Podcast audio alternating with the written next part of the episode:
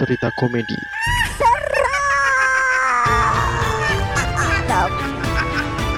Balik lagi di Sisi Sadar bersama saya Riz Gavara. bersama saya Sena yang saat ini lagi lagi nyuci piring tapi tidak ada sabun. Anjir berarti masih kotor lah. Iya, itu malah kalau lu di ini ya di tempat makan tempat makan pinggir jalan. Gue tahu, tapi kalau misal lu nggak pakai sabun, ya sama-sama parah men. Karena setahu gue tuh kalau misal di pinggir jalan tuh bener mereka tuh pakai sabun. Cuman airnya itu wow, iya kan? Iya bener. Nah makanya hari ini tuh kar- karena seharian hujan, ya kan. Gue tuh mau nyuci piring, ceritanya eh gobloknya kagak ada sunlight kan. Gue pakai sampo anjing. Jadi ini bro, jadi piring-piring lu jadi berkilau. berkilau. Eh, eh, jadi lemes yang tadinya kaku jadi lemes, piringnya lemes, bener. Piring lemes. piring lemes. Mau bikin baju ya? Bikin baju piring lemes. waduh. Tolol. Kalau ada yang mau beli ya nanti ya DM ya. boleh boleh. Boleh DM DM kita. Piring lemes terus nanti eh, fontnya horor gitu men kayak eh, darah yang melt gitu.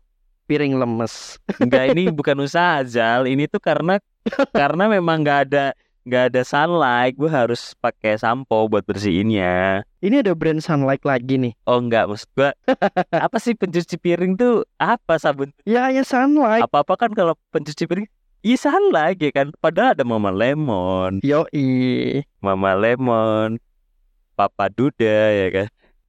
Kenapa tiba-tiba foto udah Mama Lemon Papa Duda gitu. Nggak masuk ya? Nggak masuk anjing? harusnya buah-buahan ya? Harusnya buah-buahan ya? Iya, artikel iya. terakhirnya ya? Gue gue gue goblok. Harusnya Mama Lemon Papa Semangka gitu maksudnya. Nah gitu bener. ya gitu. Aduh. Daripada kita nungguin brand, mending lu sekarang bercerita cerita-cerita horor lagi nih. oke gue ada cerita horor yang mungkin bakalan ada tiga episode gue pisahin ya. Karena ini ceritanya memang cukup complicated gitu karena gue kan riset dulu ke lapangan terus gue Wede, bercerita dede, dede. dengan jin-jin lokal yang ada di daerah sana dan urban-urban legend yang ada di daerah gitu. Nih ada salah satu jadi ceritanya ada di sebuah perkampungan gitu ya ini daerah yang cukup terpencil ada di Jawa yang dulunya menjadi pusat pesugihan Waduh. Jin-jin pesugihan nih berarti. Bener, ada jin-jin pesugihan, terus banyak banget nih, nggak punya- nggak cuman pesugihan sih, ada yang cari pelet, santet, dan ilmu kanuragan. Waduh komplit, paket komplit nih. Kayak komplit di sana, banyak banget tuh kayak modelnya tuh kayak kalau lo ke ini ya, kayak ke Malioboro tuh banyak pedagang gitu. Nah, di sana tuh kayak gitu, ada outlet-outletnya. Anjing outlet. Anjir outlet lagi. Oke. Tapi di perkampungan ini yang dulunya ramai gitu ya, sekarang tuh jadi sepi karena banyak yang beralih dan ya udah mungkin udah ketinggalan zaman kali ya. Hingga kini akhirnya hanya beberapa jin dan sosok tak kasat mata yang tersisa di sana. Karena ya baik banget gitu. Sekarang ya teknologi ya kan. Dulu kan belum ada teknologi, mereka masih bisa tuh cari pesugihan. Sekarang kan enggak. Pesugihan sekarang kan lewat politik ya kan. Ya kalau itu mah dari dari dulu anjir udah pakai gituan. oh ngeri ya. Apa sih? Nah ini ada, ada beberapa contoh nih. Ada tiga sosok yang masih ada tersi eh, yang masih tersisa di perkampungan itu. Ada tiga sosok ya. Sosok pertama itu ada Mukti Pocong Budak. Oke. Make sense, make sense karena pastikan pakai kapas. Make sense dong Bener. dipakein kapas. Kemudian ada ada Heni Kunti Rabun Anjir terus. dan Yono Tuyul yang tak bisa baca tulis. Oke. Kita bakalan menceritakan tentang si Mukti. Kenapa dia menjadi budak ya, si pocong budak nih.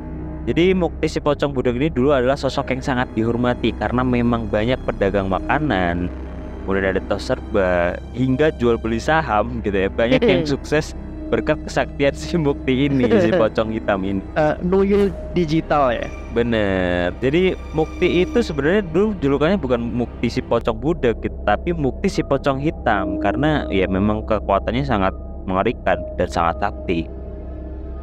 Iya, dulu julukan ini memang cukup terkenal gitu di kalangan apa ya kampungan gitulah. Jadi ada salah satu sosok jin tuh yang sangat kuat. Mukti si pocong hitam. Oke. Cara Mukti bekerja itu adalah dengan ketika ada orang yang ingin mencari pesugihan, dia harus memberikan atau membawa tali pocong perawan, Harus lalu menguburkannya di daerah itu harus perawan bener tuh. Harus harus. Kalau sekarang cewek Oh, ini, oh, ini, susah ya, bro. oh. Eh maksud maksud gua kan ya seumuran kita udah pada Nikah. punya suami gitu. Udah, bener. Udah nikah gitu. Betul maksud gua itu. gitu loh. Iya kan? ya masa ada sih yang ya coba dulu lah. Iya, kita sama-sama tahu lah Mas Ena. ya, ya kita kan sudah dewasa ya kan. Membawakan tali pocong perawan dan menguburkannya di daerah sekitar tempat usahanya. Oke. Lalu dia si Mukti ini akan datang dan si orang yang meminta pesugihan itu harus membaca mantra dan meminta apa yang dia inginkan. Ini suatu cerita si Mukti itu jadi budek gitu ya. Mukti si pocong hitam yang terkenal itu ada sebuah orderan apa ya orderan Eh, apa ya klien lah ya Bukan klien, pasien men nyebutnya biasanya. Pasien, oh ya pasien, pasien. Pasien. Ada seorang pasien, dia adalah seorang kontraktor bernama Budi yang meminta jasa mukti.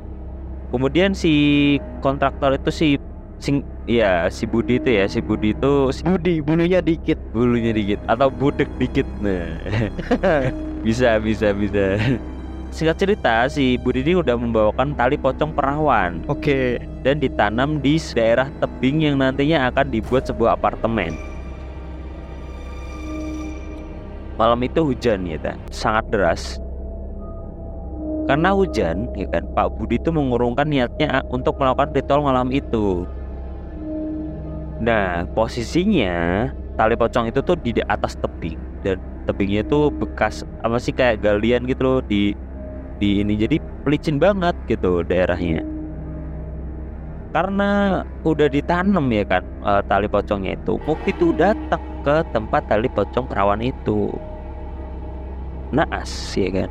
Dia terpleset dari tebing yang penuh tanah liat dan licin itu dan masuk ke pondasi pengecoran bangunan. Waduh, kacau nih. posisinya kepala si Mukti ini Mukti si pocong hitam itu tadi kepala hingga setengah badannya itu masuk ke dalam coran tersebut Oh, anjir. Kemudian hingga fajar gitu ya, hingga fajar kan si setan tuh kalau fajar pada pulang ya kan. Eh, Saat fajar tuh datanglah setan lokal gitu daerah sana. bukan lokal, ak warlock, akamsi.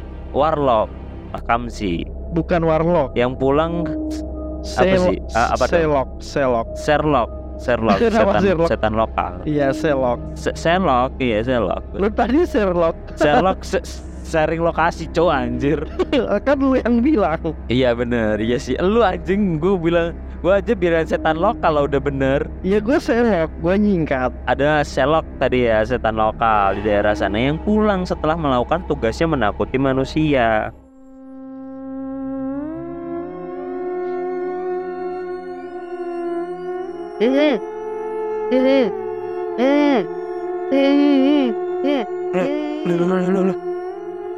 Itu kan pocong hitam yang terkenal itu Mbak Mukti ya. Kemudian setan lokal itu menarik si Mukti hingga terangkat. Campur.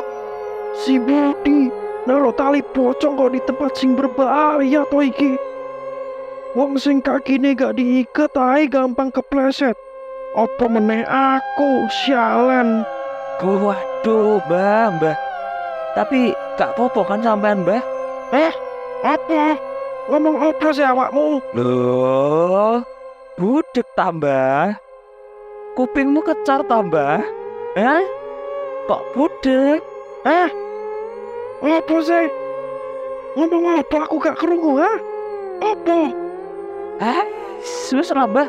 Babah, wis wajar iki. Ayo, Mbah, mulai ayo, ayo, mulai, mulai. Fajar pun datang. Fajar tuh tokoh. Bukan, bukan. Fajar tuh Anjing lah, bukan pajar orang anjir. Pajar pun dat. Dia bawa oleh-oleh. Gak. Bukan orang ini anjir. Pajar pun datang. Singkat cerita, malamnya Budi datang menemui si Mukti, si pocong hitam itu. Malamnya ya, setelah Fajar terus malamnya datang. Bah, ini saya di eh, saya saya ingin minta penglaris. Ah? Apa? Pengen duit bis. Gak, Mbak. Saya minta penglaris. Mas, omong apa arek iki? Ngombe es teh manis. Apa? Sampai budek tambah.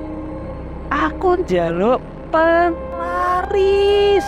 Sambil menampar muka Mukti dari kiri ke kanan. Si pocongnya kayak gak ada, gak ada, gak ada kekuatannya. Kemudian percakapan tolol itu berlangsung sampai pagi hingga akhirnya kedua mulut mereka berbusa. Anjing cerita apa sih? Sap.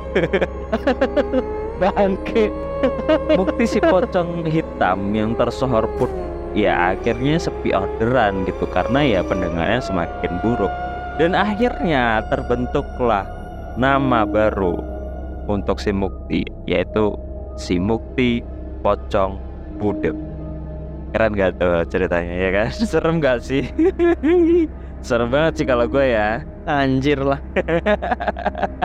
Kita perhatikan ya, itu kan tadi kejadiannya adalah di tebing. Berarti kan melakukan ritual itu harus di tempat yang aman. Ini ting, ini tuh nggak ada safety-nya, bro. Kayak apa ya pengerjaan yang tidak terukur gitu loh maksud gua.